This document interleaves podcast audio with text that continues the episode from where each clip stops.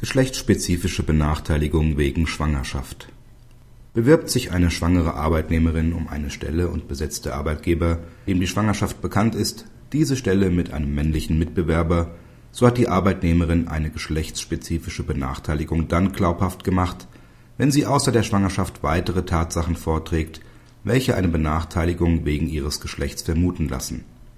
An diesen weiteren Tatsachenvortrag sind keine strengen Anforderungen zu stellen die Klägerin ist bei der Beklagten im Bereich International Marketing, dem der Vizepräsident E. vorstand, als eine von drei Abteilungsleitern beschäftigt.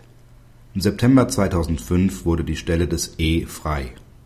Die Beklagte besetzte diese mit einem männlichen Kollegen und nicht mit der schwangeren Klägerin.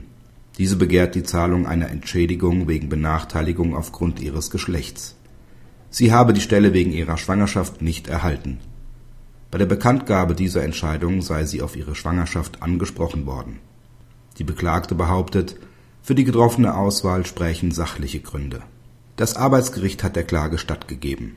Das Landesarbeitsgericht hat sie abgewiesen.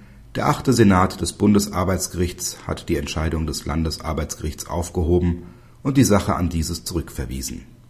Er hat angenommen, die Klägerin habe Tatsachen vorgetragen, die ihre geschlechtsspezifische Benachteiligung nach § 611a Absatz 1 BGB vermuten lassen können. So habe die Beklagte die Schwangerschaft der Klägerin gekannt.